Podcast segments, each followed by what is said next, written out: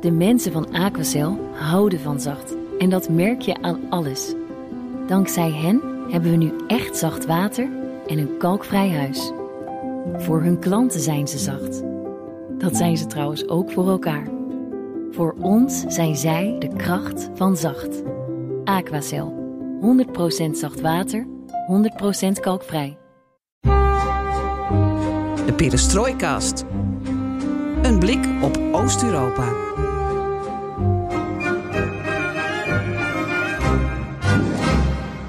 Welkom bij BNR Perestrooikast, aflevering 165 van de enige podcast van Nederland die volledig oog voor het oosten heeft en geeft.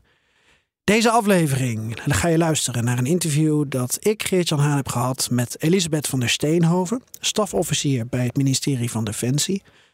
Een gesprek dat we hebben opgenomen toen Floris nog in Oekraïne zat. En ze heeft een persoonlijk verhaal, een bijzonder persoonlijk verhaal, bijzondere familiegeschiedenis.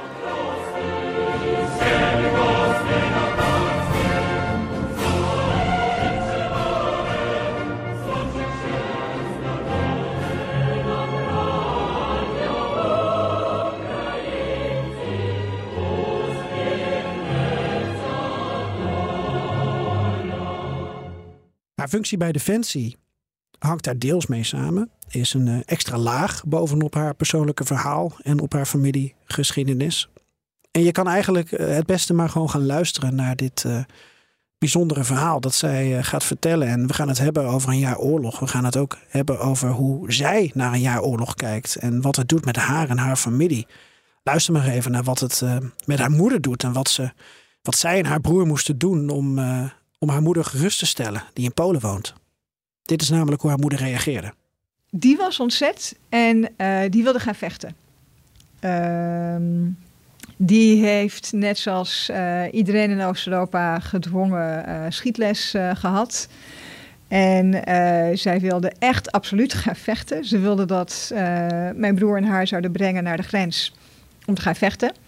Waarbij wij haar hebben uitgelegd dat zij met een rollator uh, niet een AK-47 kan uh, vasthouden. Hoe oud is zij? 92. dus wij hebben dat niet toegestaan. maar zij wilde vechten. Ze wilde absoluut vechten. net zoals iedereen. In de Perestrooikast kan alles ten oosten van de rivier de Elbe de komende weken, maanden, jaren besproken worden. En wat leuk is, is dat eh, Floris en ik heel sociaal-democratisch zijn. Abonneer je op ons, zodat je geen aflevering hoeft te missen. BNR Perestrooikast. Zoek hem op in je favoriete podcast-app. Mijn naam is Geert-Jan Haan. De volgende aflevering hoor je Floris Akkerman weer. En dit is BNR Perestrooikast.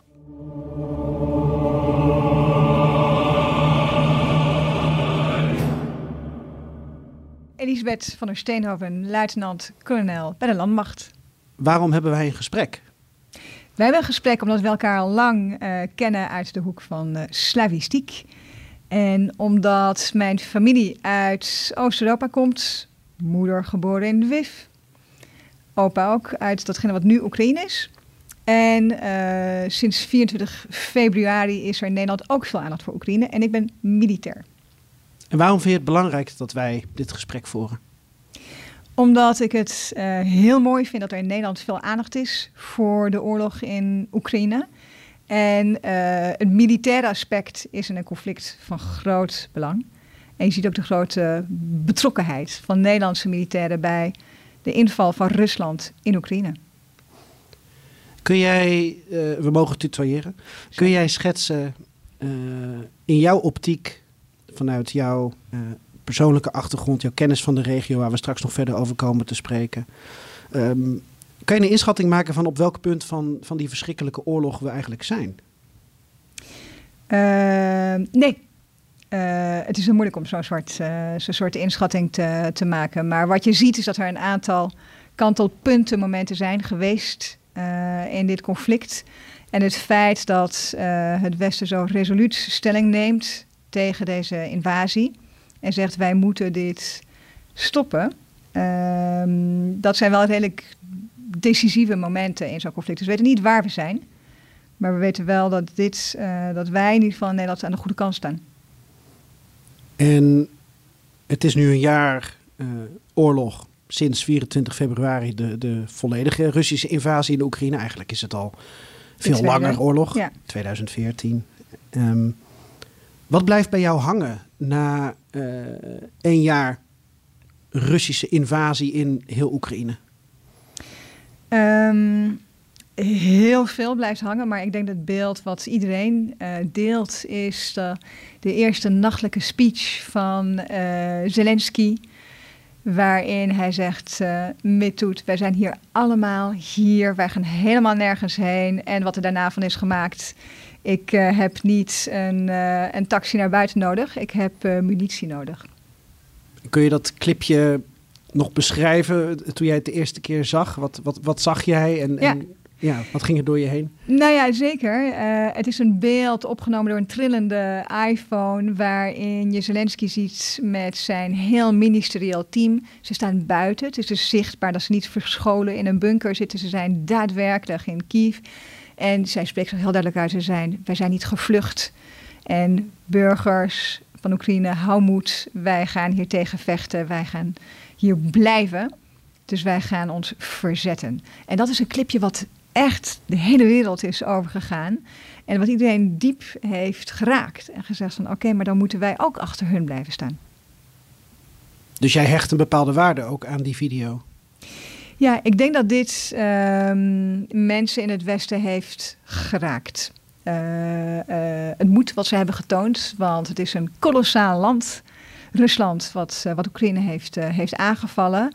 En het feit dat zelfs een soort eh, kleine, ehm, nou ja, verhoudingsgewijs een soort, soort kleine Asterix eh, en Obelix dorp toch blijven staan. Ehm, ik denk dat die vastberadenheid effect heeft gehad ook op de rest van de wereld. Dus dat is een beeld waar zeker is bijgebleven. En wat later is bijgebleven zijn ehm, de beelden van, eh van Bucha, de vele moorden. Maar ook de reacties ook van Nederland hierop. Die zeggen nee, wij gaan dit land steunen. Toch was deze video binnen die enorme Oekraïense PR-campagne van afgelopen jaar. Deze video was puur voor binnenlands gebruik. Hij was in het Oekraïens. Ja, toet, mi toet. Ja, Minister hier is toet, minister daar is toet. Ja. Iedereen is hier. Dat was nog niet naar het Westen toegericht, maar een onbedoeld start zijn van een wereldwijde steunaanvraag. Klopt helemaal. En eigenlijk, eh, eh, als je kijkt naar de, de, communicatie, de Oekraïnse communicatie, eh, is dat heel slim. Het was inderdaad voor binnenlands gebruik. Ik denk dat pas later echt goed zijn gaan nadenken over hoe te communiceren met, met het buitenland. Maar dit was zo oprecht en niet gestileerd, niet, duidelijk niet heel lang over nagedacht, dat dat het ook, denk ik, mensen heeft geraakt. Zag je daar iets Oekraïens in of aan? Ehm, ja, ik denk in die zin wel. Eh, en dat is ehm, de automatische reactie, ook wat ik zag op mijn familie-app van iedereen, eh, tot en met mijn moeder, van terugvechten. Meteen terugvechten. Er was ook geen twijfel over mogelijk. Dus ja, ik zag iets Oekraïens en Oost-Europa-achtigs aan. Overgeven is geen optie. Nee, nee, overgeven is geen optie. Want dat hebben we al vaak genoeg meegemaakt. We zien hoe dat uitpakt. Je hebt volgens mij ook eh, al vrij snel doorgehad dat er eh, verschrikkelijke eh, mensenrechten schendingen in Oekraïne aan zaten te komen. Dat er sprake zou zijn van ja, dat er jacht wordt gemaakt op alles en iedereen wat Oekraïens is. Al dan niet door eh gehersenspoelde eh, Russen of met wat voor motivatie dan ook. Dus eh Oekraïners met tatoeages waren in gevaar. eh Oekraïners met foto's op hun telefoons die ook maar Ja. enige vorm van patriotisme uitdroegen, eh, die waren in gevaar. Waarom voelde jij dat aan? Nou, ehm, ik denk dat iedereen dat aanvoelt die, die nieuws heeft gevolgd. Dat is het Russische patroon ook in, in Grozny, in Georgië. Dat was ook het Russische patroon in, eh, in Syrië. Eh, als je ziet wat van Idlib eh, over is, weinig.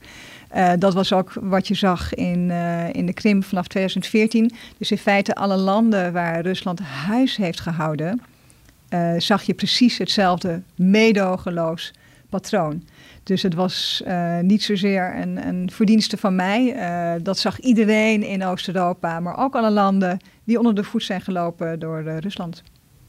Maar ook zo'n stellige Russificatie en stellige anti-Oekraïnse houding? Zag je dat bij die andere conflicten ook?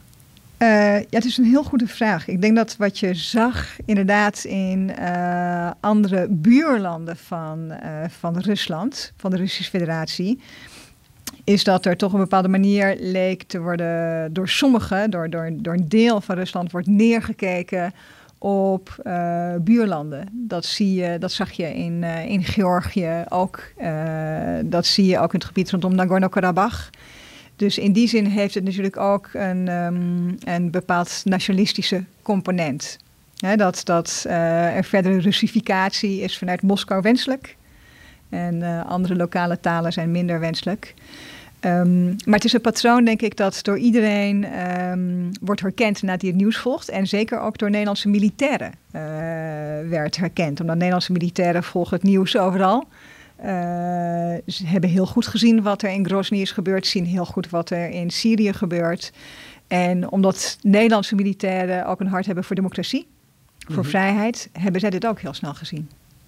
Waarom is het zo belangrijk voor militairen om ook dit soort patronen te kennen, herkennen, onderkennen. Het is natuurlijk niet iets dat een luisteraar uh, die nu ons gesprek luistert, uh, ja, als, als allerbelangrijkste voorwaarde bij een, milita bij een militair bedenkt. Namelijk dat je ehm, patronen van allerlei conflicten wereldwijd herkent. Kun je dat uitleggen?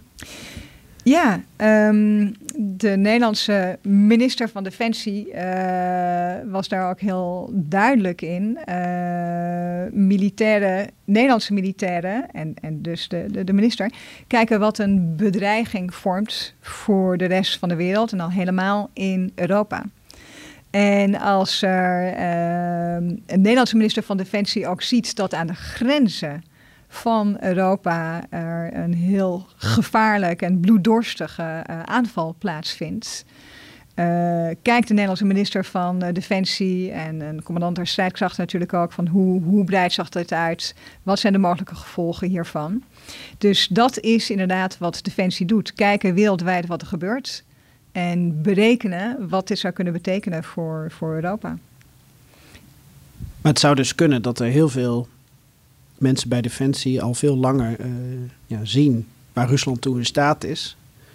Maar omdat het ook uh, om politiek gaat en politieke besluiten, dat ja, jouw collega's natuurlijk niet, bij machten zijn om, uh, om in te grijpen. Terwijl dat wel in je, in je DNA waarschijnlijk zit. Je zit bij Defensie omdat je iets wil doen voor de veiligheid van de wereld. Nou, dat is dus heel mooi. Als je ziet bijvoorbeeld met wat voor een enthousiasme Nederlandse militaire Oekraïners aan het trainen zijn. Um, dat is daadwerkelijk hartverwarmend. Want daarin zie je dat de enorme betrokkenheid van Nederlandse militairen bij democratie, bij mensenrechten, het, het voorkomen van, van enorme verkrachtingen, zoals nu gebeurt in Oekraïne. Uh, dat uitte zich en dat werd zichtbaar toen Nederlandse militairen, Oekraïnse toekomstige militairen gingen, gingen trainen. Uh, wat er bijvoorbeeld gebeurde is dat uh, Oekraïnse Zoals de luisteraars die misschien uh, kapper, uh, IT'er, consultant, uh, beleidsmedewerker of manicure zijn. Um, in vijf weken worden omgeturnd tot militair. En dat hebben Nederlandse militairen hebben daar bijgedragen, samen met Britse en, en andere nationaliteiten. En daarin zag je dat Nederlandse militairen met enorme bezieling schietles gaven aan, uh, aan Oekraïnse burgers. En uitleg gaven hoe EHBO werkt, hoe gevechten in de stad uh, gaan. waar je op moet letten als er schutters zijn in, in huizen, in dorpen. En daarin zie je de bezieling voor democratie. Ik zit me toch af te vragen hoe je dat voor elkaar krijgt. Een kapper die alleen ervaring heeft met een schaar een IT'er die alleen ervaring heeft met een muis of een toetsenbord en dan in vijf weken eigenlijk volwaardig militair zou moeten zijn, want je staat je land te verdedigen. Ja, weet je Geert-Jan, uh, dat klopt helemaal. En dat is dus het wonderlijke. Uh, het lukt dus. Wat dus ongelooflijk is, is dat uh, iemand die inderdaad kapper is, in drie dagen wordt omgevormd tot schutter. Datgene wat in Nederland ontzettend lang duurt, krijgen zij in drie dagen. Ze schieten meteen met scherp. Nederlandse militairen, wij beginnen eerst met uh, nou ja, blanks en oefenen eerst in een simulator. Zij schieten meteen met scherp. Maar ze zijn de Nederlandse militairen en de Oekraïnse leerlingen, om het even zo te zeggen, zijn aan beide kanten zo gemotiveerd en zo geconcentreerd dat het overgrote merendeel na drie dagen de test daadwerkelijk haalt. Dat is ongelooflijk. En daarna krijgen zij les hoe je schotwonden verzorgt. Wat ook ongelooflijk is voor een kapper of een, uh, of een, uh, of een IT'er of een, uh, een accountant. En vervolgens krijgen zij les hoe je in groepsverband opereert. Daar doen wij jaren over. Ik wil er straks nog meer over horen. Eerst even naar jouw eigen familiegeschiedenis ook. Want kun je uitleggen vanuit welke interesse jij deze oorlog volgt? Um, nou, persoonlijk uh, volg ik hem uh, ook omdat mijn uh, familie woont sinds de, de 15e eeuw in wat nu Oekraïne is. Mijn uh, opa is, en zijn familie is in 1917, 1918 wat sommige luisteraars nog weten, de Eerste Oorlog door de Bolsjewieken verjaagd uit het gebied waar zij woonden. Is toen naar een ander gebied gegaan onder Rivne uh, in de buurt. En um, daar heeft hij deelgenomen aan, uh, aan de Eerste Oorlog, het gevecht tegen, de, tegen de Bolsjewieken. En um, vervolgens bij het begin van de Tweede Wereldoorlog is hij gaan vechten in Italië met de Poolse troepen. Hij is gevangen genomen en is geanteneerd in het Duitse kamp Murnau. Um, toen hij vrij is gekomen aan het einde van de tweede, uh, toen hij vrij is gekomen, is hij teruggegaan uh, om te gaan vechten. En in deze keer met de Anders Brigade in uh, Italië. Uh, in Ancona en heeft ook meegevochten met de slag om uh, Ancona. Heeft ook daar de twee uh, nou ja, heldverzetsmedailles ook, ook gekregen voor, voor de gevechten die hij heeft geleverd.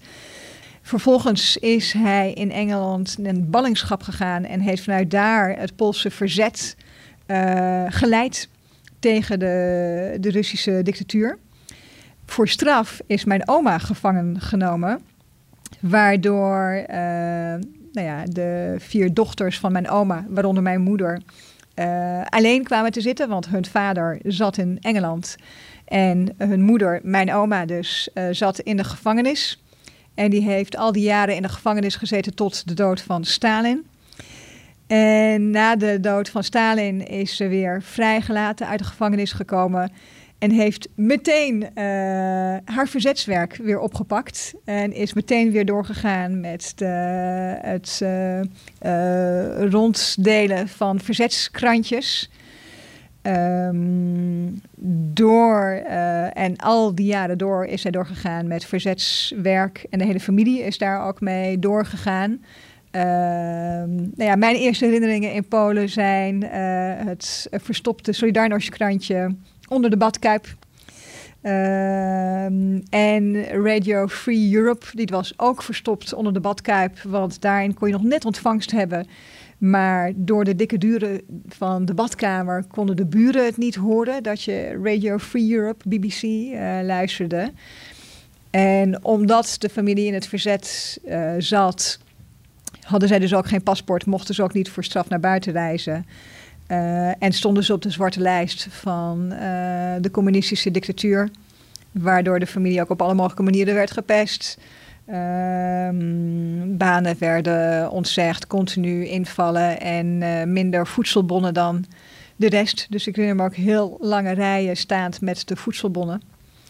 dus dat is een, in kort de geschiedenis van mijn familie. En toen jij zelf bij Defensie ging werken, had je toen ook het gevoel van, ja, dit, dit is rond. Het past wel heel erg binnen de, bijna de familietraditie? Ja, dat had ik, dat had ik heel sterk. De cirkel is, uh, is rond. Uh, met mijn, uh, mijn opa, die landmacht militair was. Met mijn broer, die, die militair was.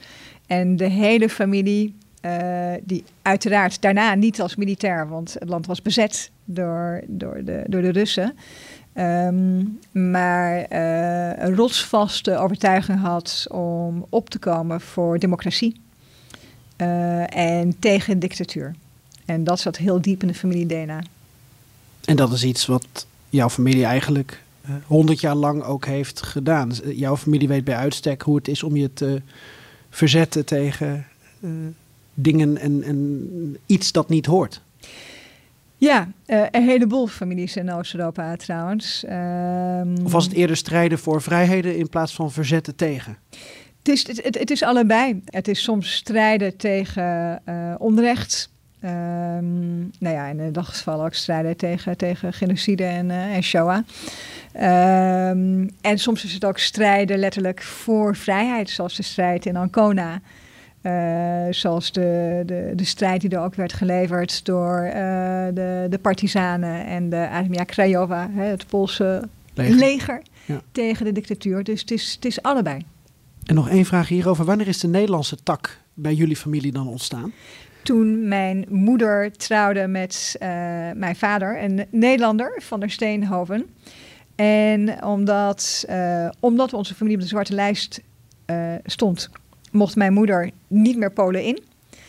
En omdat onze, mijn Poolse familie op de zwarte lijst stond, mocht mijn vader, uh, mocht mijn familie het land uh, niet uit. Dus ik was de enige die op en neer kon pendelen tussen uh, naar Polen kon gaan. Omdat kinderen tot een bepaalde leeftijd wel op en neer mochten pendelen. En mijn oma ehm, en mijn moeder communiceerden en gaven de illegale blaadjes mee met mijn kinderkoffertje. Dus in mijn Hello Kitty koffertje zat, uh, zaten de uh, ondergrondse blaadjes. Wauw, dus de Solidarność, tijd en strijd, dat heb je als kind... Uh, ja, daar heb je een rol in gespeeld zelfs. Nou, een rol is zeker, zeker, zeker, zeker veel te groot voor datgene wat ik, wat ik deed. Maar ik denk dat de... De strijd van een volk of een strijd van heel veel mensen is toch niks zonder uh, elk individu dat wel of niet meedoet. Ja, maar daarin heb je grotere en kleinere rollen. Dus mijne was absoluut miniem. Maar heel veel mensen in Oost-Europa uh, verzetten zich daar, uh, daartegen. Ik liep altijd rond in met, net zoals een heleboel kinderen met een Solidarność speltje. Maar misschien weten de luisteraars dat nog, dat speltjes niet werden in Oost-Europa niet werden gedragen met het uh, embleem aan de buitenkant en het pinnetje aan de binnenkant, zoals hier in Nederland. Want er was een dictatuur. Dus net zoals alle andere kinderen dacht ik het pinnetje aan de buitenkant en het embleem aan de binnenkant. En werd daar een keer mee opgemerkt uh, toen ik net kwam van uh, met voedselbonnen eten halen. Maar ik had toen net vlees weten te scoren. En dat was in die tijd heel bijzonder. Is helemaal voor de val de muur. Er werd toegewerkt met voedselbonnen. Uh, dat was heel bijzonder. En toen zagen uh, twee zomo's mij toen ik de straat overstak, zagen ze de glinstering van het pinnetje. Uh, en zomo's, dat was een soort stasi. Um, ja, voor de luisteraars. In, in Polen had je zomo's, niet stasi. Um, en gingen mij achterna rennen. Uh, ik ben weggerend. Uh, ze hebben mij niet gepakt, maar ik heb wel de zak met vlees laten vallen. En dat was het vlees van een hele maand. Dus dat, daar baal ik nu nog steeds van. Die renning is me wel bijgebleven. Daar had je al die tijd in de collega voor gestaan. Ja, daar had ik al die tijd voor in de collega gestaan. 24 februari 2022 in de nacht uh, worden allerlei vliegvelden in heel Oekraïne gebombardeerd. En, en, en gaat het los twee dagen daarvoor ging het eigenlijk al verder los in de Donbass. Acht jaar daarvoor begon het al in, uh, in, de, in de Donbass en op de Krim. Maar als het 24 februari is uh, en dit deel van de oorlog begint, wat, wat doet dat met jouw familie? Op welke manier hebben jullie contact en wat, wat zijn de onderlinge reacties? De, de familie-app ontplofte, maar die was al een paar dagen uh, ontploft. Omdat mensen zich steeds meer zorgen maakten. En eigenlijk vanaf dat moment is uh, mijn familie-app veranderd in een soort uh, kleine bol.com slash ANWB. Okay. Omdat er vanaf dat moment allerlei mensen, familieleden zijn naar de grens met Oekraïne gereden om daar mensen op te halen. Ehm, mensen reden alleen maar af en aan om Oekraïnse vluchtelingen naar Warschau te brengen uh, om hun op te vangen. Ehm, iedereen heeft massaal zijn werk afgezegd, maar dat heeft iedereen gedaan in Oost-Europa. Dus dat is niet bijzonder aan deze familie.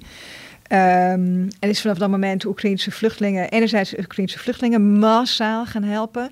Anderzijds Oekraïnse vluchtelingen massaal thuis gaan huisvesten. Heel erg veel spullen ingeslagen voor de vluchtelingen uh, die er waren. Maar tegelijkertijd gigantische inzamelingsacties. Dus een soort bol.com de andere kant op. Richting Oekraïne. Omdat de vluchtelingen doorgaven wat er nodig is. En als derde de, de AWB. Niet alleen mensen ophalen aan de grens met Oekraïne. Dus aan de Pools-Oekraïnse grens. Maar ook uh, Oekraïnse vluchtelingen brengen vanaf de Oekraïnse grens naar Duitsland, naar Zweden, naar Frankrijk, naar Nederland. Uh, eigenlijk naar alle plekken waar de vluchtelingen naartoe wilden. Uh, kwam een soort mega-autodienst starten. Ehm, en die is nog steeds gaande. Dus uiteindelijk is er nog een tweede familie-app gemaakt, omdat er er zo'n enorme hoeveelheid was aan berichten. Dus het ene familielid is bezig met mensen opvangen, het andere familielid is bezig met logistiek. Ja. Waren er nog andere smaken? Nou, heel veel mensen waren ook bezig uh, om te kijken hoe er ook uh, steun kon, uh, kon, worden, kon worden gegeven. Um, net zoals heel veel Oost-Europese families was er steun voor de eerste Oekraïnse, de, de nou ja, bijna vergeten, de Maidan-revolutie. Um, daar was heel veel steun, gingen ook heel erg veel mensen naartoe. Ook nu weer zijn er ook veel mensen, Poolse en familieleden van mij, naar Oekraïne toegegaan. Dus ook om te kijken hoe kan er praktische steun worden, worden gegeven. En er is ook een deel van de familie die bezig is met het uh, verzet te steunen in, uh, in Belarus. Dus ja, er zijn heel erg veel smaken. En al die smaken zie je terug in de hele Oost-Europese maatschappij. Dat is niet bijzonder aan deze familie. Ik vroeg het me wel af, omdat de roots van jouw familie dan wel in West-Oekraïne liggen. Wat natuurlijk wel bekender staat om verzet dan andere delen van Oekraïne. Um, ja, weet ik niet. Want als je kijkt hoe groot het verzet is nu bijvoorbeeld van de, de, de Tataren in, uh, in de Krim, uh, die is kolossaal. Als je kijkt hoe groot het verzet is ook voor de mensen in de bezette republieken ehm, van Oekraïners in Oost-Oekraïne. Dat is ook kolossaal. Dus ik denk dat dat misschien vroeger onderbelicht was. Maar het is er wel degelijk. En waar verzetten jouw familieleden zich dan tegen? Is dat, en dan pak ik even die Russische frames erbij. Tegen de poging tot demilitarisatie, de poging tot denazificatie, de poging tot desatanisatie. Ja, ik, ik, denk dat er nog, nog, nog, nog een aantal van zes, zeven verschillende andere Russische excuses zijn gekomen om, om Oekraïne te bezetten. Um, uh, ik, ik, denk dat er een heel diep geworteld besef is, maar ook in mijn familie, van het is gewoon een autonoom eigen land. Uh, en dat, dat moet zo blijven. Dat moet zo blijven. En dat veel mensen in Oost-Europa ook heel snel de mediaspelletjes doorzien. Uh, Estland en Letland zijn ook erg mee bezig geweest, maar Noorwegen ook. De enorme stromen desinformatie van, van Rusland worden ook doorprikt en doorzien in Oost-Europa. Ja. En hoe reageerde jouw moeder, als ik dat mag vragen? Um, die was ontzet en uh, die wilde gaan vechten. Um, die heeft net zoals uh, iedereen in Oost-Europa gedwongen uh, schietles uh, gehad. En zij wilde echt absoluut gaan vechten. Ze wilde dat mijn broer en haar zouden brengen naar de grens om te gaan vechten. Waarbij wij haar hebben uitgelegd dat zij met een rollator niet een AK-47 kan vasthouden. Hoe oud is zij? 92. dus wij hebben dat niet toegestaan. maar zij wilde vechten. Ze wilde absoluut vechten. Net zoals iedereen. En je moet erom lachen, maar tegelijkertijd snap je wel waar dat gevoel vandaan kwam.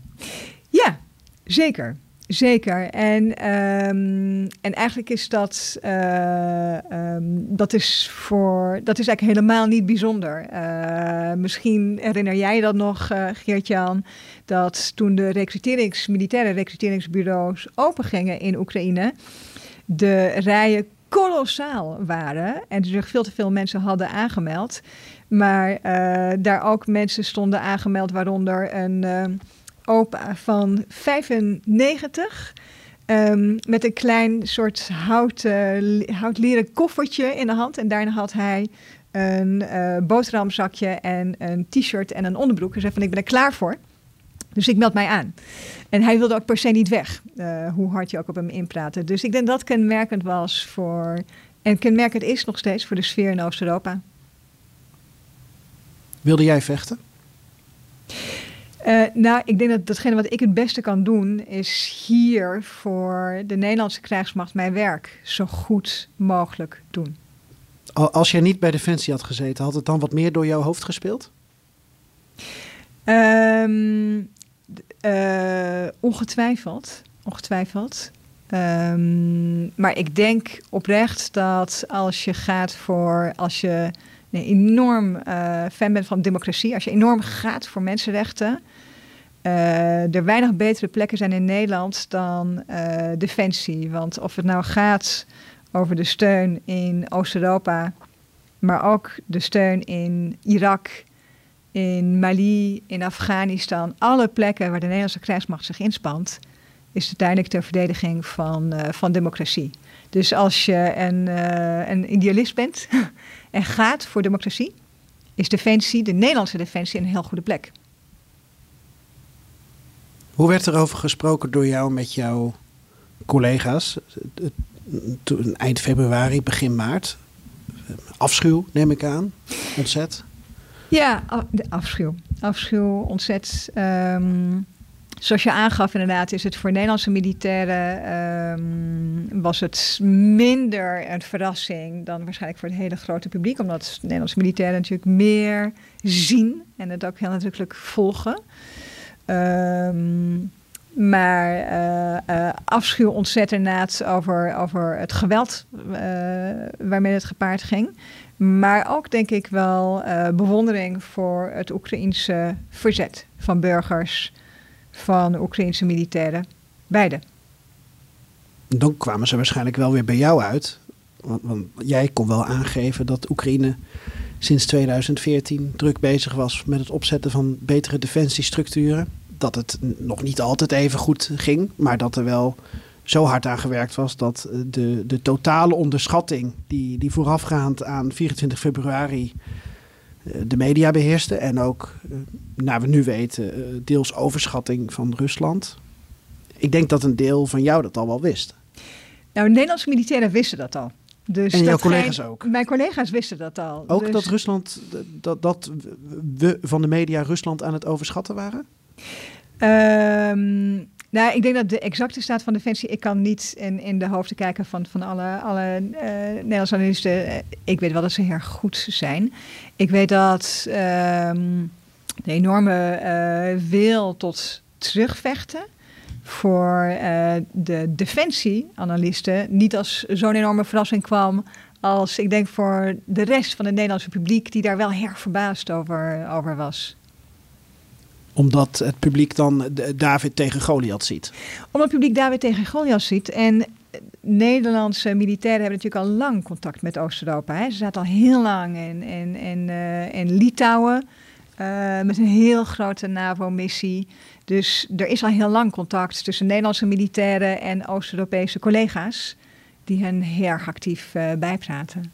Maar kun jij vanuit jouw achtergrond. En je hebt ook uh, veel andere dingen gedaan voordat je bij Defensie kwam natuurlijk. Die wel heel veel raakvlakken hebben met, met dit onderwerp. Uh, welke bijdrage kun jij nog leveren? Uh, heb je het gevoel van ik heb het afgelopen jaar bepaalde informatie kunnen, kunnen delen. Of bepaalde nog, nog extra patronen kunnen zien. Ook op basis van, basis van gevoel. Een gevoel dat klopte. Nou, ik denk dat uh, uh, eerlijk gezegd denk ik dat het meer andersom is. Dat ik met enorm veel enthousiasme heb gevolgd wat mijn, uh, wat mijn Nederlandse collega's doen. Als ik daar een voorbeeld van mag, uh, mag geven. Nederlandse militairen waren, trainen de hele tijd Oekraïnse militairen. Een van de eerste groepen die aankwamen, waarbij de Duits-Nederlandse collega's, die kregen een, een training op de, op de Panzerhowitzer. De groep Oekraïners die aankwam bij de Duitse en Nederlandse militairen, kwam aan rechtstreeks uit het front en ze hadden werkelijk niks mee. Ze hadden geen extra bagage mee. Ze kwamen met uh, ja, uit het front.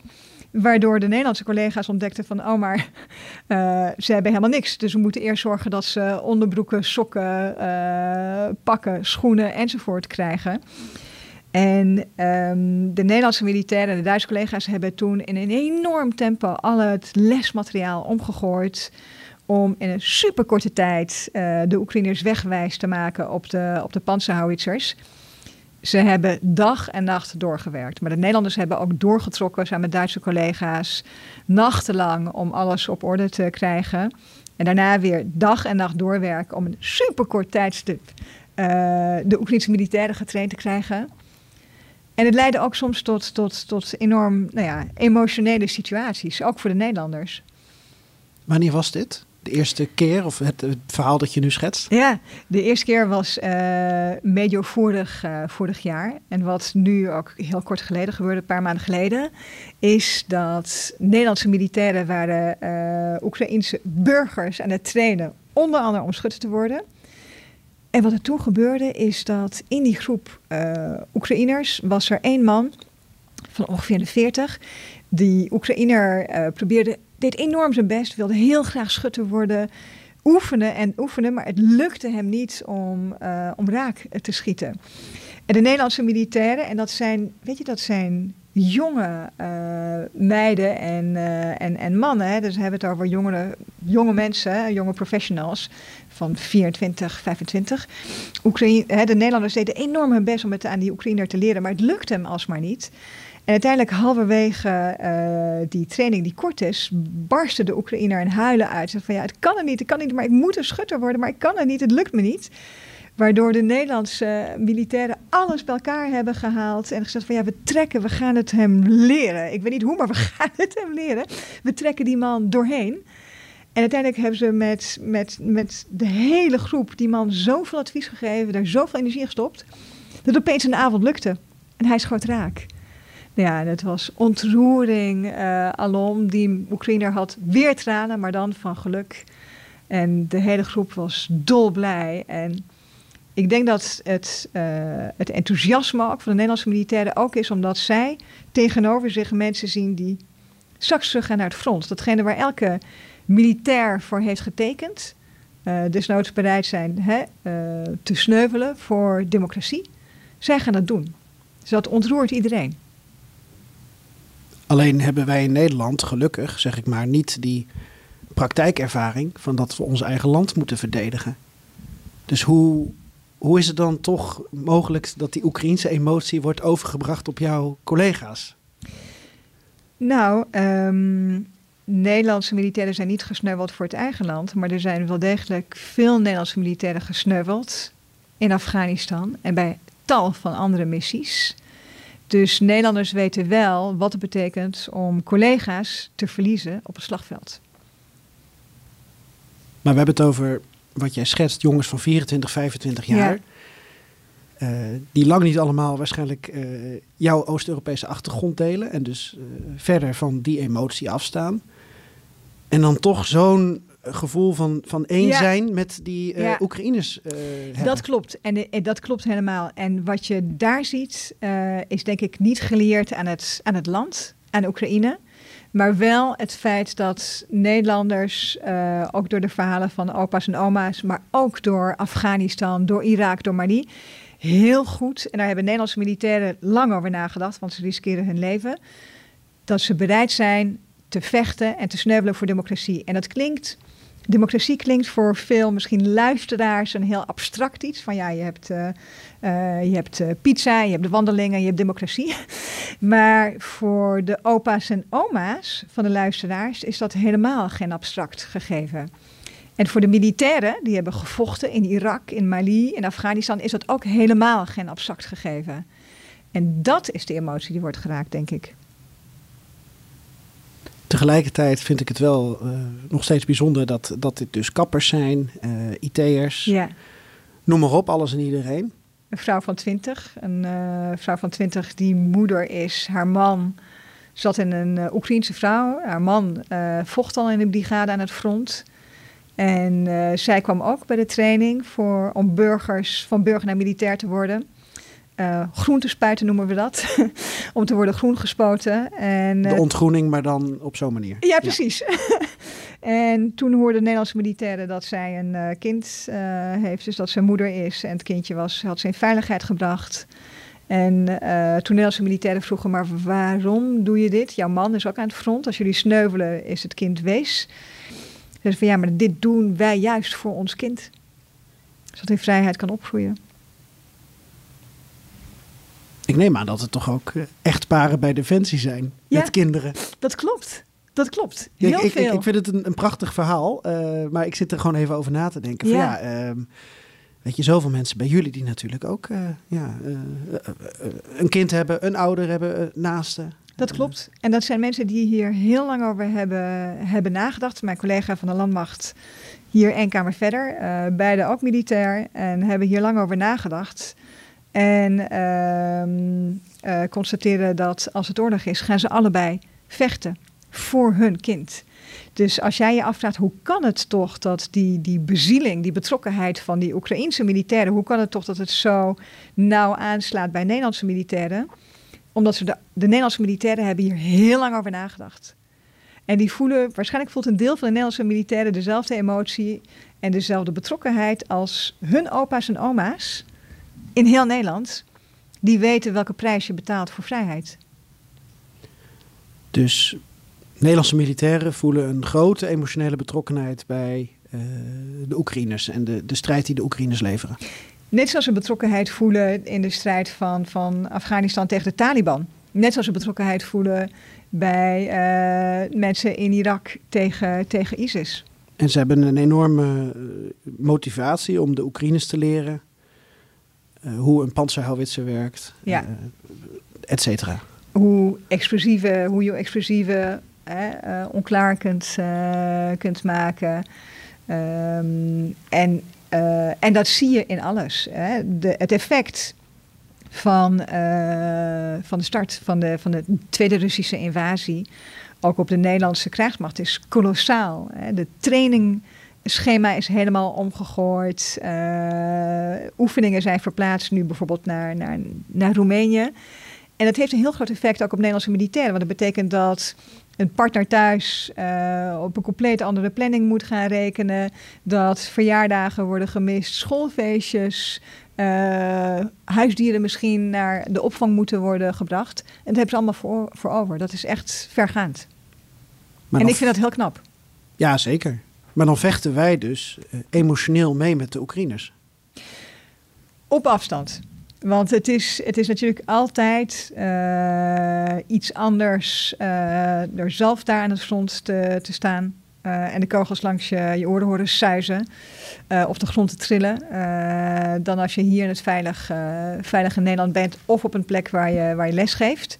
Maar de, de energie waarmee de trainingen worden gegeven, de, de, de, de betrokkenheid, de bereidheid om je hele planning om te gooien, dat is veelzeggend. Ja. Ik vraag het omdat het vaak gaat over wat voor soort oorlog er nu gaande is. Is het Rusland tegen Oekraïne? Is het Rusland tegen het Westen? Rusland tegen de NAVO? Uh, een, een, deel hiervan is natuurlijk het Russische frame dat ik op tafel leg. Het is Rusland tegen Oekraïne. Het is Rusland tegen Oekraïne. Ja.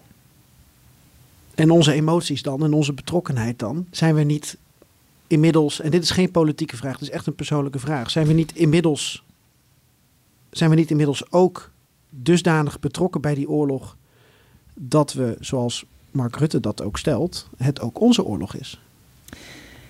Ja, ik blijf ver van politiek. Dus dat, dat, uh, dat voorop stelt. Ik denk dat Nederland, uh, andere NAVO-landen heel duidelijk hebben gemaakt dat uh, wat Rusland zich veroorlooft, dat dit een gevaar is. Um, en dat het in ons aller belang is dat, uh, dat landen niet onder de voeten worden, worden gelopen. Maar dan... ik, deel, ik deel die mening ook, ook volmondig. En dan kom je weer terug, denk ik, een beetje bij het begin van het gesprek. De ervaring uh, uit het verleden leert dat het zaak is om dit soort invasies te stoppen. Zo vroeg mogelijk. Maar dan hebben de Oekraïners gelijk als ze zeggen: wij vechten voor jullie. Voor jullie veiligheid. Ik, ja, ik, ik snap dat ze zeggen. Ik, ik blijf inderdaad echt ver van, van, van politieke uitspraken. Maar uh, hoe je het ook draait of keert, het is niet uh, wenselijk dat uh, als Rusland zou winnen, dan wordt het dus ook onderdeel van de Russische Federatie.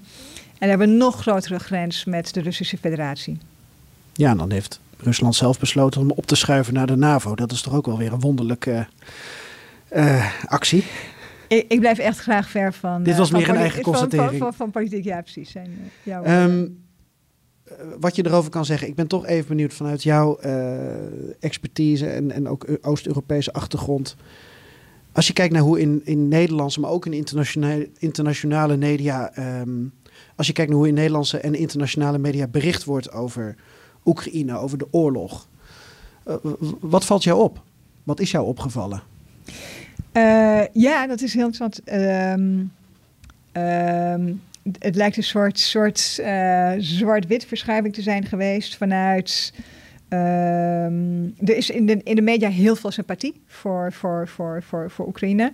Wat ik uh, goed vind is dat het land, dat Oekraïne ook niet in Nederland niet wordt, niet een soort heldenstatus aan het krijgen is. Het is absoluut geen perfect land, verre van. Er zijn allemaal tekortkomingen, er is ook inderdaad corruptie. En het is goed om daar niet een soort zwart-wit beeld van te schetsen. En ik denk dat Nederland daar goed in is geslaagd. Uh, door niet te zeggen dat het land ideaal is. Het gaat ook niet alsof het een perfect land is. Maar, um, maar het is een land met tekortkomingen, zoals een heleboel landen. Maar het moet wel worden beschermd tegen deze invasie. En als ik kijk naar de berichtgeving vanaf het begin van, hè, vanuit 2004, hè, vorig jaar, 24 februari tot nu, zie je wel een enorme wijziging dat mensen weer uh, westerse media uh, hoop beginnen te krijgen op, uh, nou ja, in ieder geval niet, niet per se een overwinning van Oekraïne, maar dat het niet automatisch zo is dat Rusland dit gaat winnen. En dat vind ik een enorme verschuiving, want in de eerste paar maanden na de invasie dacht iedereen, Oekraïne wordt in drie dagen ondergelopen, dus het einde verhaal. Dacht jij dat ook? Um, ik was daar bang voor. Ik wist wel domweg van wat ik zag dat er heel veel verzet zou zijn. Maar uh, het succes wat zij hebben weten te behalen, Oekraïnse strijdkrachten hebben weten te behalen, uh, heeft mij ook verbaasd. Ik denk dat ook de Oekraïner zelf heeft verbaasd. Ik denk dat iedereen er versteld van stond. Naderhand hebben we ook pas gehoord dat er bijvoorbeeld uh, ten noorden van Kiev ook uh, dijken zijn doorgebroken, dijken ja. zijn doorgeprikt. Ja. Dat houdt natuurlijk niemand dan voor mogelijk in, in hoe verweer je je tegen een, een, een Russische kolonne die eraan komt. Ja, precies. precies. En dat is gedaan met een enorme uh, nou ja, zelfopoffering. Die grootste brug, die eerste brug is opgeblazen door een militair die daar zelf nog zat. de radiostation is opgeblazen door een militair die daar zelf nog zat en, zijn leven heeft, heeft geofferd. Dus um, ik denk dat dat iedereen heeft verbaasd. Uh, en dat het ook niet zou zijn gelukt als mensen die ook niet bereid waren, niet zo grootschalig bereid zouden zijn geweest een leven hiervoor te geven. En dan om nog terug te komen op die media.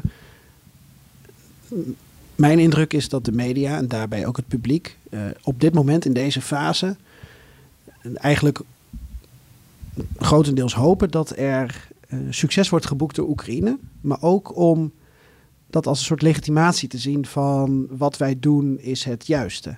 Je zag het na de bevrijding van uh, regio's Kharkiv en Gerson, een deel van Gerson.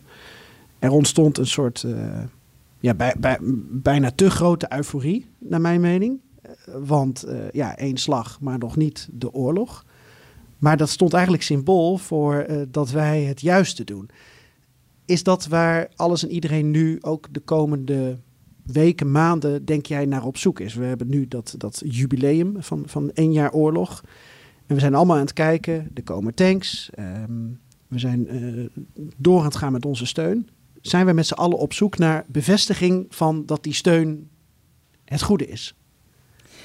Um, ik, ik denk dat, dat iedereen graag bevestiging wil dat, dat zij of hij aan de goede kant staat. Uh, dat het een, een, een uh, menselijk reflex is.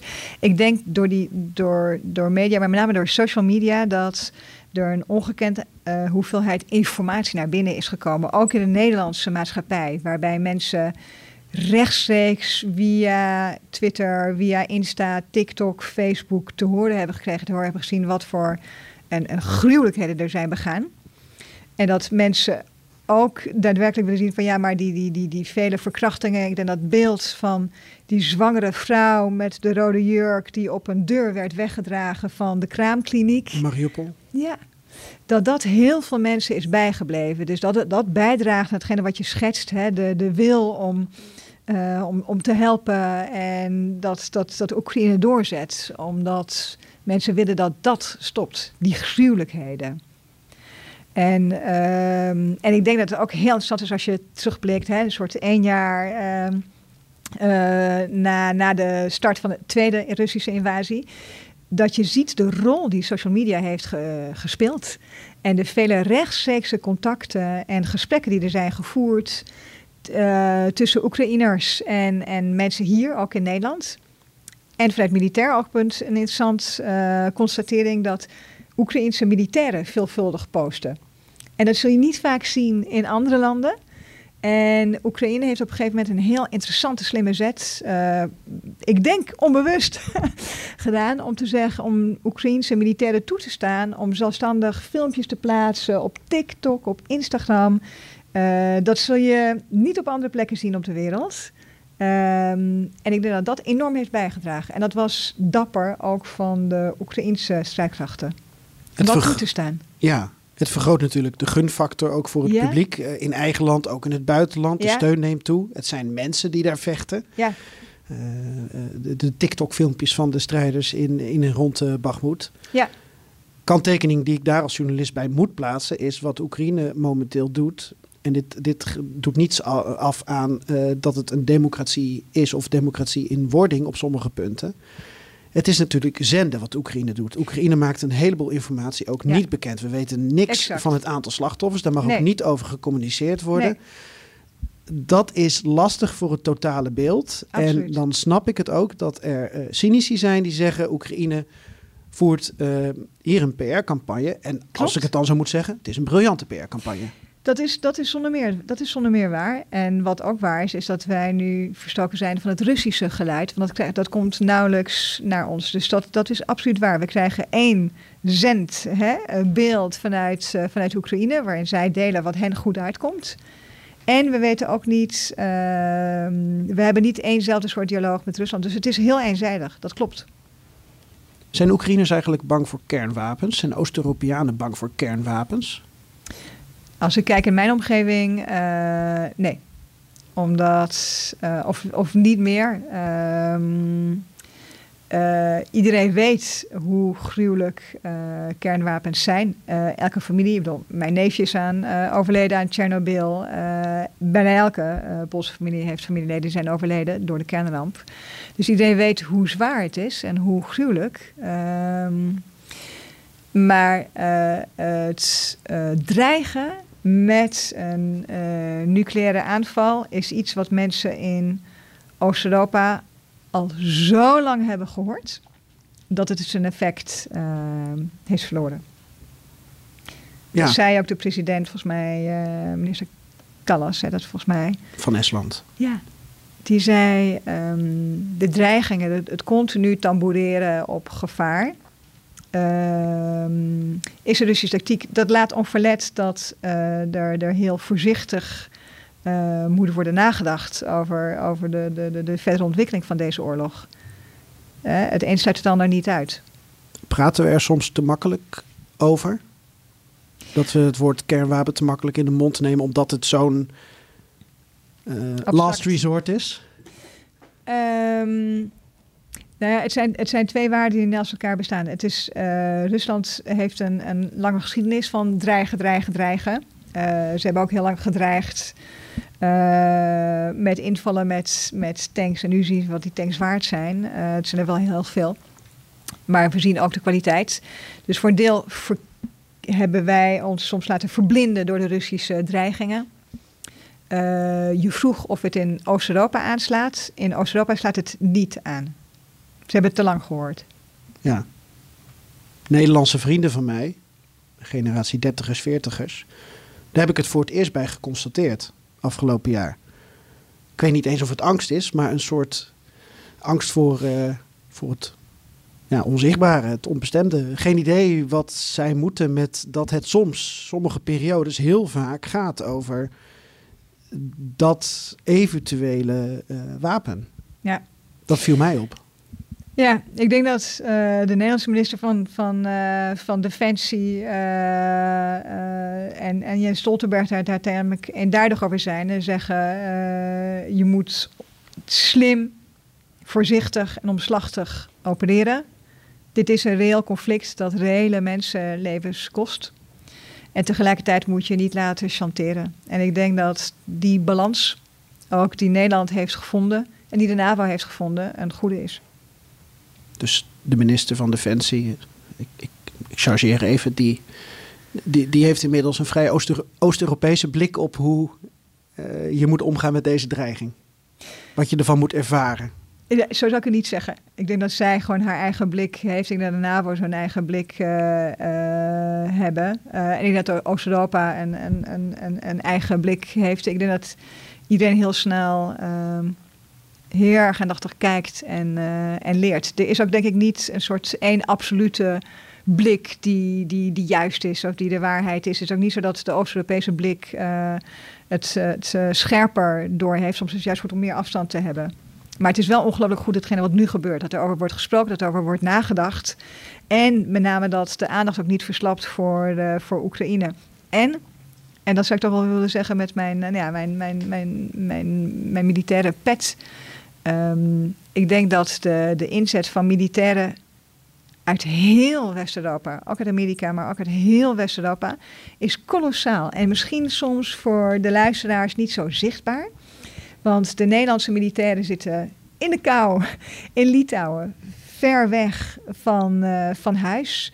Um, de kazernes in Litouwen zijn ja, niet zo prettig altijd.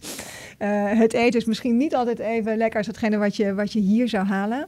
En dat zijn wel allemaal um, offers uh, die Nederlandse jongens en meiden brengen uh, voor het afschrikkingseffect van Rusland. En dat uh, is iets wat ook wel goed om ons in gedachten te houden. Als wij hier of kerst vieren, oud en nieuw vieren, verjaardagen.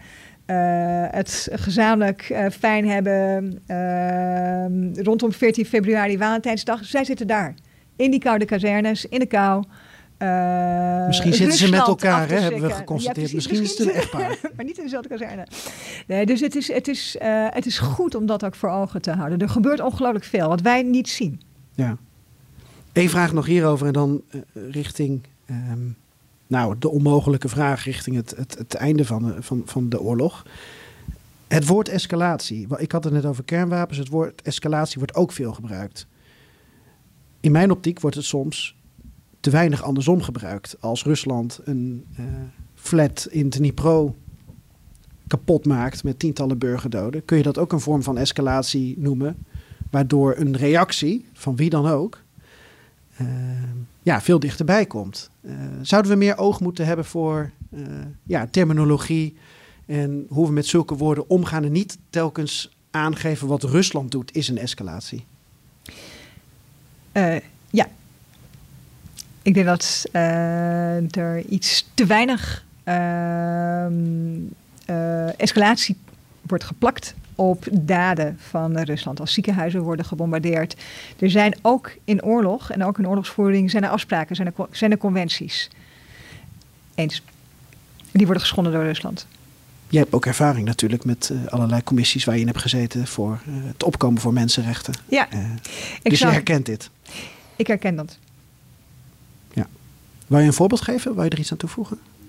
Nou, dat de oorlogsrecht er niet um, voor niks is. Um, in zo'n afgrijzelijke situatie waarin er conflict is, is er, is er inderdaad niet voor niks oorlogsrecht. En dat zo belangrijk is, omdat het is gestart na de Tweede Wereldoorlog.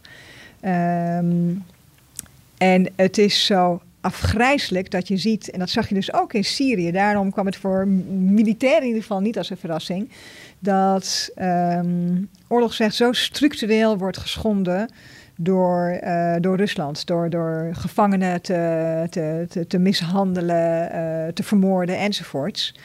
Um, dus ik, ja, uh, heel veel militairen ergens daar groen en geel aan.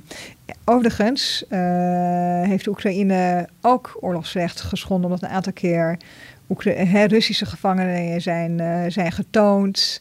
Um, dat mag ook niet. En daar is Oekraïne ook terecht, uh, op terecht gewezen van dat is echt absoluut niet de bedoeling en doe dat niet. Het gaat voor beide kanten. Wat mij dan opvalt is dat de, de, de rapporten over mensenrechten schendingen tegenwoordig uh, wel hele goede, heel goed onderscheid maken tussen welke uh, mensenrechten schendingen zijn incidenteel en welke zijn ja. bijna systemisch.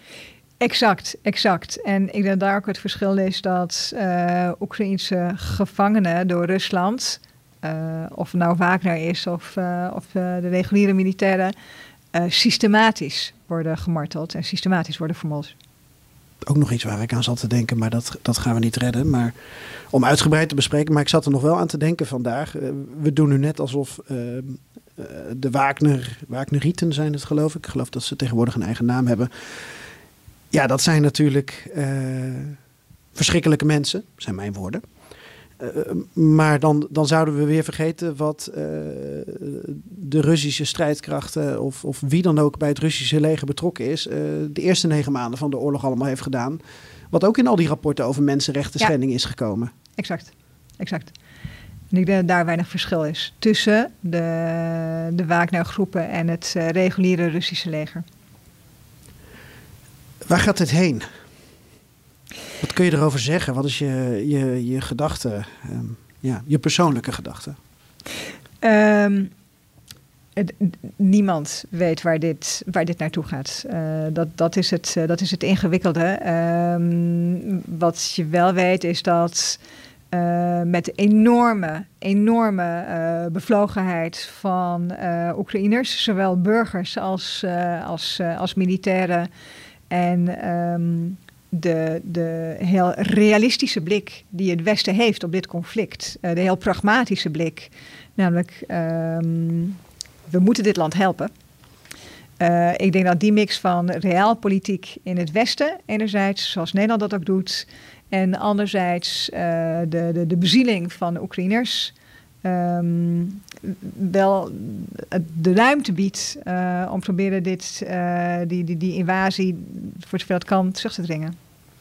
Ik maak... Maar hoe het afloopt, dat weet dus niemand. Dat kan ik dus ook niet voorspellen. Nee, maar ik maak er een open vraag van. Welke, welke kans maakt Oekraïne? Welke kansen heeft Oekraïne? En je, je mag er zelf op plakken. Ze hebben kansen om het hele land uh, van voor 2014 uh, uh, te bevrijden.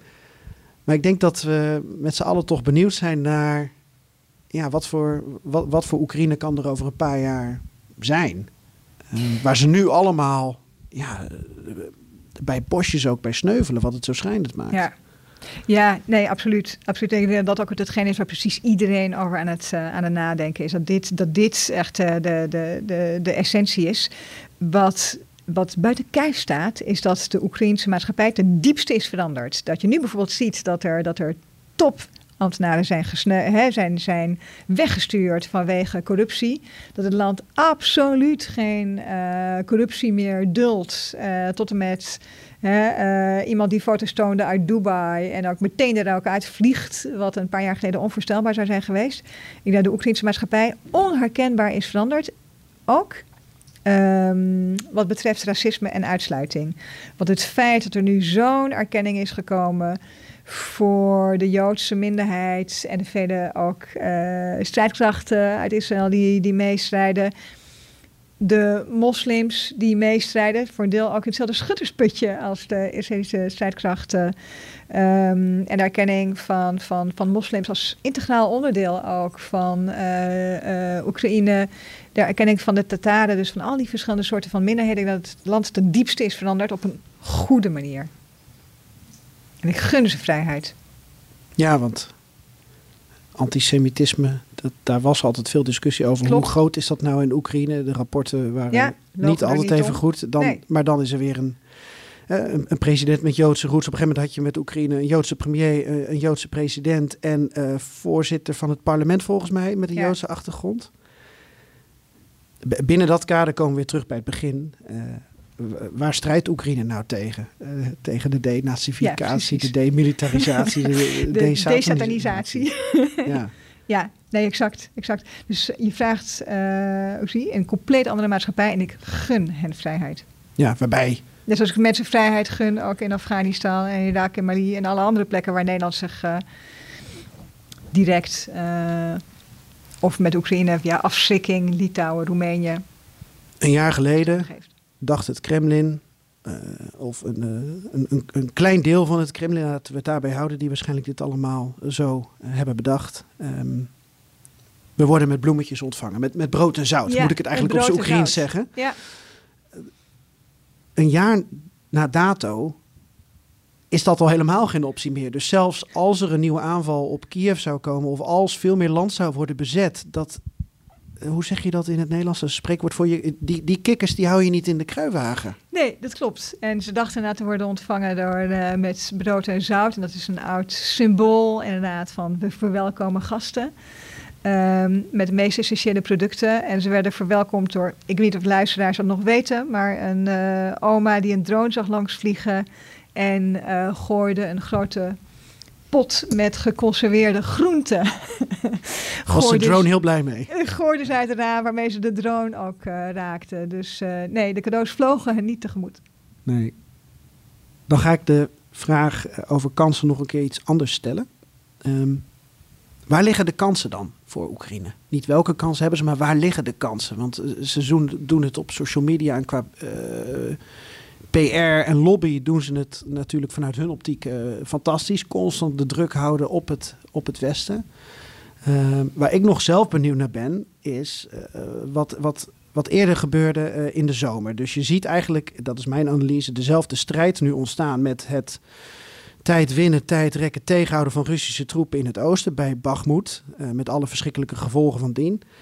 En dat tijd winnen, dat resulteerde in 2022 in uh, ja, een, een, strijdplan om gebieden te kunnen bevrijden. Toen werden er ook wargames geoefend met Amerikanen, met Britten.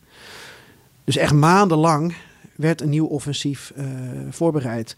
Liggen de kansen van Oekraïne dus ook voornamelijk in het, um, het behouden van, van, van geduld? Omdat je maar, maar één kans misschien hebt om een stuk land uh, te bevrijden. Is dat hun kracht tot nu toe geweest, maar is dat ook het allermoeilijkste om te bewaren? Door al die druk die erbij komt kijken. Uh, ik denk dat. Uh, om te beginnen ga ik daar geen antwoord op geven. ik denk dat Oekraïne heel veel verschillende plannen tegelijkertijd aan het, uh, aan het bekijken is. Je vroeg waar liggen de, de kansen. De kans ligt hem in exact doorgaan zoals ze nu bezig zijn. Door ongelooflijk goed na te denken. Uh, wat is tactisch, strategisch het handigst?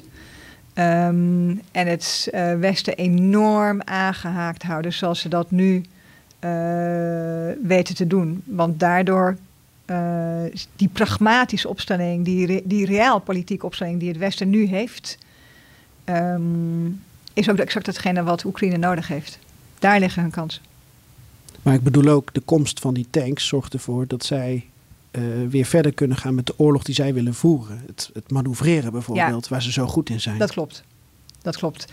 Dat klopt absoluut. En uh, er zijn verschillende scenario's waar zij nu aan het uh, nadenken zijn. Um, tegelijkertijd heeft Oekraïne ook nadrukkelijk gevraagd om niet hardop te gaan speculeren op volgende sta stappen. En ik denk dat het een heel wijs verzoek was. Ja, we zagen het bij de vorige keer met het voorbeeld van misleiding. Exact. Laatste exact. vraag. Laatste vraag. Hoe gaat het met je familie? Ja, dankjewel. Um, met hen gaat het, uh, gaat het goed. Ik heb wel heel veel contact met mensen, uh, ook die strijden. En dat is wel heel zwaar. Uh, er zijn eenheden die in de afgelopen vijf maanden zes keer van commandant zijn gewisseld, omdat de commandanten zijn gesneuveld. Er zijn, moet je voorstellen, als jij als, uh, als luisteraar uh, wordt getraind om militair te worden in een tijdsbestek van twee maanden. Uiteindelijk zijn de mensen die een jaar geleden zijn getraind om militair te worden, zitten nu al aan het front. En hebben steeds zwaardere en belangrijkere functies gekregen, die eigenlijk niet te doen zijn als je pas een jaar geleden militair bent geworden. En zij stijgen ook in een uh, enorm hoog tempo, ook in militaire rang. Wat eigenlijk ook niet te doen is, want je krijgt verantwoordelijkheden die je gewoon ja, nauwelijks aan kunt. Um, en met hen gaat het uh, op dit moment niet, niet goed. Ik bedoel, de, de, de, dat is ook publiekelijk bekend. Ik bedoel, het is heel zwaar, de situatie is niet goed. Uh, ze hebben de westerse steun echt uh, nodig. dus het is verschrikkelijk moeilijk. Niet voor mijn familie, maar wel voor de mensen, die, de Oekraïners die daar nu strijden aan het front. En zes commandanten, dat, is, dat is kolossaal. Ja, voor de luisteraars die werken, dat is alsof je zes directeuren hebt van een bedrijf in een half jaar tijd. En, en toch ben ik benieuwd naar je familie, ook omdat ik me kan voorstellen dat het ene familielid graag uh, veel van het nieuws volgt en het andere juist niet. Het een wil doorgaan met het uh, leven, wat ook in het westen van de Oekraïne relatief rustig kan. Ook al word je er natuurlijk in je omgeving constant mee geconfronteerd. Uh, ja. ja, mijn familie zit in Polen. Zit in omdat Polen, ze allemaal het land uit zijn, uh, zijn geknikkerd ja. uh, tijdens, de, tijdens de oorlog. Uh, maar ze zitten continu nou, wat ik zei, de, de, de bol.com en de ANWB. ze zijn continu bezig Oekraïners te helpen. Er wonen, bij alle familieleden wonen de Oekraïners in, in huis. En ze zijn eigenlijk bezig continu ook te spotten of ze nog vrienden hebben waar nog iemand anders zou, zou kunnen logeren. En zijn continu bezig met collectes. Dus in mijn familie heeft niemand meer kerst gevierd of uh, verjaardagen. Ja, in Polen vier je naamdagen. Omdat iedereen zegt, al het geld wat ik zou hebben gehad voor mijn verjaardag... stuurt allemaal naar Oekraïne, stuurt dan naar dit doel. Dus er worden ook geen verjaardagsfeestjes gegeven. Uh, omdat het ook weer geld bespaart. En dat kan ook weer naar Oekraïne. Dus, en ik denk dat dat ook de mode is van een heleboel. Dus van mijn familie. Maar ik denk dat dat bijna alle families zijn in Oost-Europa nu. Dus jouw familie strijdt ook gewoon door met wat zij doen? Zij, zij helpen mee door en uh, ze zijn ook het gros van hun auto's kwijt. Uh, een heleboel familieleden hebben ook hun auto's en alles weggegeven. Wat ook best wel logisch is, wat heel veel gebeurt in Oost-Europa. Dus zo diep kan het zitten, zo ver kan het gaan dat je zelfs denkt: uh, mijn geld, mijn auto's, alles voor de vrijheid. Ja, zeker. Voor de vrijheid van de buren. Het is niet eens voor, voor jezelf. Ja, maar daar wil ik aan toevoegen. Uh, wat Nederlandse uh, militairen doen, de jongens en meiden van, van, uh, van Groningen tot, tot, tot, tot Maastricht. Um, een heleboel Nederlandse jongens en meiden zeggen: Ik ben bereid het groene pak aan te, te trekken. En ik ga bij de marine, de luchtmacht, de, hè, de marechaussee, de landmacht. En ik ben bereid voor de vrijheid van een ander te sneuvelen. Dus uh, ik denk dat het soort inzet is wat je terugvindt binnen de hele krijgsmacht. Dankjewel voor je tijd. Dankjewel voor de uitnodiging om hier uh, op de kazerne te mogen zijn. En, uh, ja, ik, ik, ik, wens je een korte oorlogsjaar toe. Dat wens ik eigenlijk iedereen toe. misschien daar maar, daar maar mee afsluiten dan. Maar dankjewel. Dankjewel.